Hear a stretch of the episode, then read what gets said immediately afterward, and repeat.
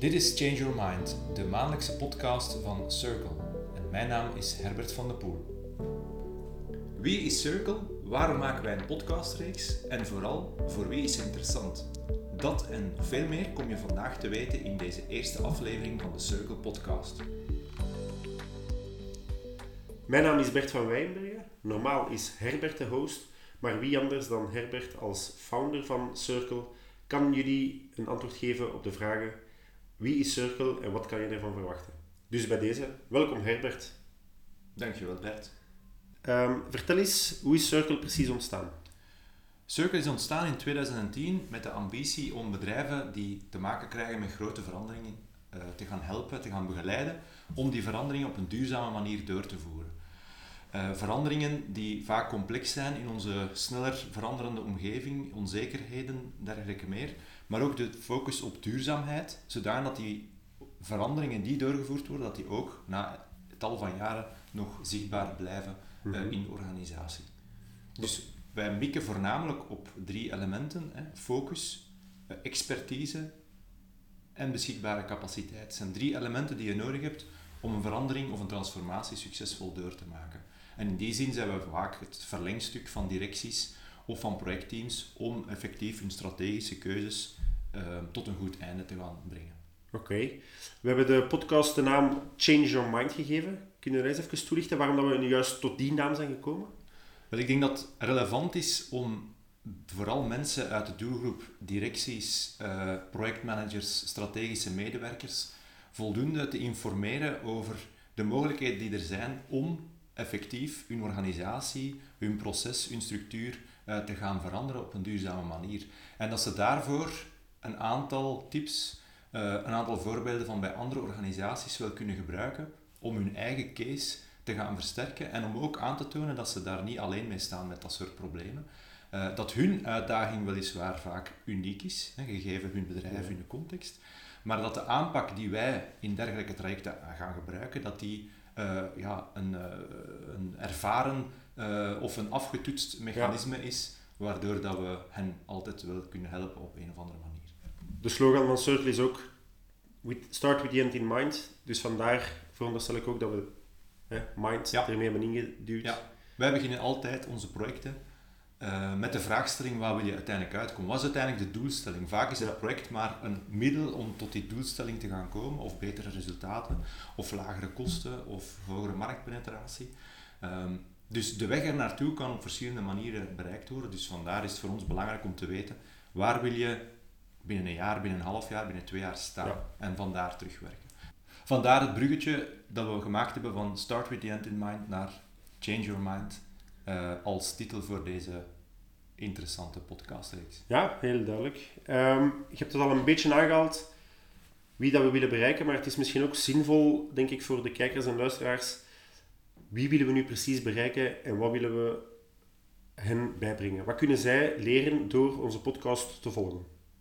Ik denk eerst en vooral, er zijn er voor ons drie grote doelgroepen waar dat we op mikken. Enerzijds mensen die in directie zitten, die bezig zijn met hun organisatie richting te geven, die 1, 2, 3, 5 jaar vooruit kijken en die nood hebben aan inspiratie om uh, hun ideeën concreter te maken, om te helpen om uiteindelijk die, die verandering in gang te gaan zetten. Daarnaast denken we aan alle mensen die vandaag actief aan een project aan het werken zijn, als sponsor, als projectmedewerker, als projectmanager, om misschien te zoeken naar de ideale structuur om hun project te gaan realiseren. En last but not least, naar iedereen die eigenlijk op een of andere manier met projecten in aanmerking komt. Uh, en dus van daaruit een stuk inspiratie kan meenemen van een verandering doorvoeren op die manier kan misschien in onze organisatie ook relevant worden. Oké. Um, verandering, change, dat is misschien een, een heel ruim begrip. Hè? Ik denk dat we bij Circle ook niet veranderen op alle typen van verandering of change binnen een organisatie. We hebben daarvoor onze, onze eigen uh, matrix een beetje uitgewerkt. Ik denk dat het zinvol is ook om dat even toe te lichten, zodat ook de luisteraars zich perfect kunnen situeren van in welke vormen van change kunnen wij als Circle uh, bijstaan op een of welke manier. Ja. Voor ons, hè, we hebben het daarnet al aangehaald, begint change bij een heel duidelijk doel dat je wil gaan bereiken. Wat wij niet doen, hè, ik zal daar misschien mee beginnen, is typisch een stukje eh, training geven om wat cultuur eh, aan te scherpen of te verbeteren. Hè. We kunnen dat doen, maar eigenlijk is dat vaak de negatieve kant van change management. Ja. Ehm, wat wij proberen te belichten is hoe kun je change management technieken of veranderingstechnieken gaan gebruiken om effectief dat doel te gaan bereiken. Dat doel kan getriggerd zijn vanuit volgens ons drie grote assen. Eh, de externe as waarin dat je gaat kijken, er is een wijziging in mijn markt, in mijn competitie eh, of in mijn concurrentieomgeving en ik moet dus met een nieuw product gaan afkomen, hoe ga ik, of dienst, hè, hoe ga ik die product of dienst gaan, gaan, gaan maken, gaan opzetten en welke impact heeft dat op mijn organisatie? Dus echt marktgedreven. marktgedreven. Dan heb je eh, typisch de, de intern gedreven, hè, waarin dat een organisatie beseft, proces X, Y, Z, de- of die afdeling, die rendeert niet meer, of, of daar zijn te veel eh, fouten of kwaliteitsissues, we moeten dat herorganiseren. Eh, of dat kan ook gaan, twee afdelingen die moeten samenkomen, twee organisaties die moeten samenkomen, dat is duidelijk intern getriggerd.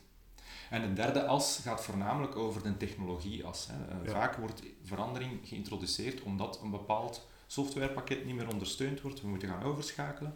En heel de organisatie moet mee willen snilles. Hè. Daar valt niet Mhm. over te Ja. discussiëren. Maar het is dus duidelijk drie grote verschillende invalshoeken die aanleiding geven tot eh, fundamenteel anders werken binnen een organisatie.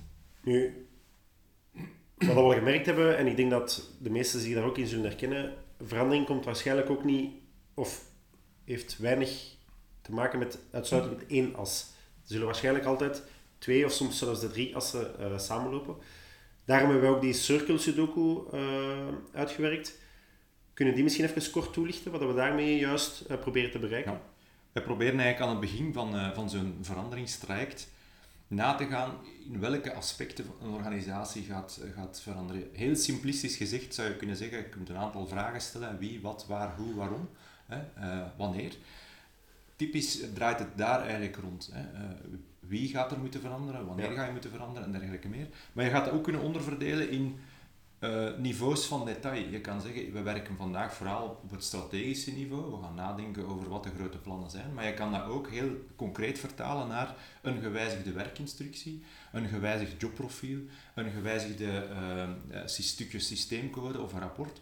Dat is natuurlijk op een heel laag uitvoerend niveau. En dus Ja. uiteindelijk heel dat speelveld van de vijf grote vragen en de drie grote niveaus, die, of, of die aanpak gebruiken we om een volledig plan uit te werken waarbij de organisatie weet waar de verandering juist moet gaan uitgevoerd worden. En daar, dat laat ons dan weer toe Ja. om heel fijnmazig, heel duidelijk ehm, de juiste mensen op de juiste eh, werkplekken of de juiste activiteiten te zetten Ja. en de juiste deliverables op te leveren. Dus we focussen ons met Circle op drie typen veranderingstrajecten. Marktgedreven, interne organisatie of ICT. Ik denk dat dat al een, een duidelijk beeld geeft van wat we wel doen en wat we niet doen. Het zou het misschien nog iets concreter maken als je even kunt toelichten op basis van, van realisaties die we bij klanten hebben gedaan. Dat het ook meteen tastbaar wordt voor iedereen van waar is Circle vandaag de dag mee bezig? Bij welke type klanten zijn we en welke Mhm. echte projecten, met naam en toenaam, hebben we daar ook gedaan? Ja, misschien als kapstok wat wij gebruiken zelf intern als, als een stuk maatstaf is een organisatie die bij ons klant is, is vaak een organisatie die meer dan 200 medewerkers hebben. Is dat Ja. exacte wetenschap? Nee, maar wat blijkt? Dat eens dat je over een bepaald aantal medewerkers gaat, dat de afstand tussen wat de CEO of, of de directie in zijn of haar hoofd heeft, dat ze dat niet één op één meer kunnen uitleggen aan elke medewerker. Waardoor eigenlijk de reden waarom dat ik als medewerker zou moeten meestappen in zo'n verandering, eh, ja, daar kan ik mijn eigen interpretatie over Ja. geven. Dus dat is eigenlijk voor ons een eerste maatstaf. En dat zie je ook terug in de cases die, die in de, vandaag, maar ook in de komende reeksen eh, aan bod zullen komen. Bijvoorbeeld, eh, een, een, een Deleuze is een van onze klanten, waar dat we geholpen hebben om de hele, eh, de hele digitalisering zeg maar, van de getrouwheidskaart, Ja. hè, eh, de Superpluskaart, om dat, mee, dat project mee vorm te geven. Dus er zaten al een aantal mensen die het concept hadden bedacht, er zaten een aantal mensen die technisch waarschijnlijk heel sterk waren om dat te programmeren. Maar uiteindelijk moet je ervoor zorgen dat al je processen, al je systemen, maar ook vooral al je medewerkers, en met name bijvoorbeeld heel, heel praktisch gezien de kassa-medewerker of medewerkster, dat die begrijpt waarom Ja. Dat dat nodig is en vooral wat haar rol is als dat straks uh, draait en als dat straks uh, werkt of niet werkt en waar ze terecht kan. Want ik denk dat dat inderdaad een goed voorbeeld is bij de lijzen. Um, dat is zowel een stukje IT gedreven, maar ook intern gedreven. Hè. We moeten zowel de mensen meekrijgen, maar natuurlijk moeten ook alle systemen en, en toepassingen infrastructuur op elkaar uh, zijn afgestemd. En ook marktgedreven. Eigenlijk is het een combinatie van drie, omdat zij zien, Klopt. er is een opportuniteit om vanuit een bepaald uh, concept, hè, die Nutri-score bijvoorbeeld, om daar uh, een, meer, een grotere ja. klantentrouw te gaan proberen te krijgen, die we vandaag niet kunnen realiseren, omdat we vandaag met geen digitale weg zitten. Ja. We weten niet wie die klant is, we weten niet wat die koopt, en nu weten we dat allemaal wel dankzij die technologie eigenlijk. Oké. Okay. Um, hebben we dan ook nog voorbeelden van bijvoorbeeld uh, meer intern gedreven veranderingen? Um, ja, ik kan bijvoorbeeld het, uh, de, de case van uh, Mensura, grootste externe dienst voor preventie en veiligheid op het werk in België, aanhalen. Waar ik zelf ook een, een hand in heb gehad. Um, waar dat duidelijk de, tijdens bijvoorbeeld de coronacrisis de vraag kwam om op een andere manier ja, medewerkers van bedrijven te kunnen gaan onderzoeken. Hè. Dus zij sturen voornamelijk artsen, verpleegkundigen en preventieadviseurs de baan op om uh, medewerkers die gezond zijn uh, te gaan checken hè, of dat ze wel uh, voldoende veilig zijn in hun werkomgeving.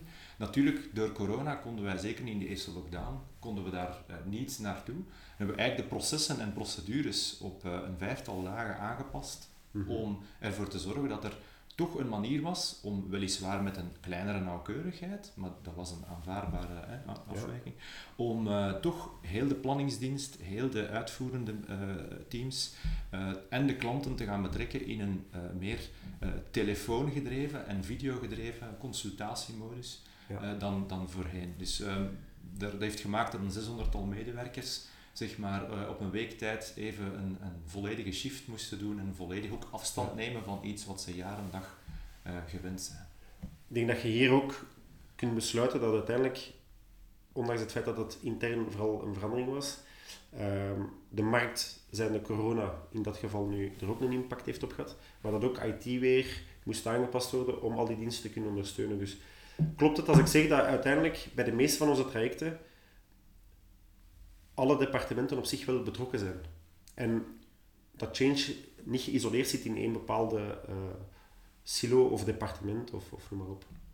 Ja, in, dat zou in theorie wel kunnen. Ik denk alleen als het zich situeert binnen één bepaald departement of één bepaald team, um, dat, dat de organisatie misschien wel de mogelijkheid heeft om dat zelf op te lossen. Eens dat je buiten verschillende teams gaat of wanneer dat de complexiteit groter wordt, ja, dan moet je vaak overschakelen naar mensen die daar de focus en de kennis en de ervaring voor hebben die, om al die stukken aan elkaar te, te hangen. Hè. Een voorbeeld daarvan is een, ander, een andere case bij, bij Compass, hè, een van de grootste uh, ja, food uh, distributeurs en ja, uh, klopt. zeg maar restaurants bij kantoren, ziekenhuizen en dergelijke meer. Waarin dat er ook omwille van corona, hè, ook weer omwille van een marktgedreven situatie, gedacht is om een nieuw aanbod uh, te brengen uh, naar de klanten, naar ook andere klanten. Dus dat zijn eigenlijk transformaties wat wij typisch noemen van bijna de derde graad of de derde orde.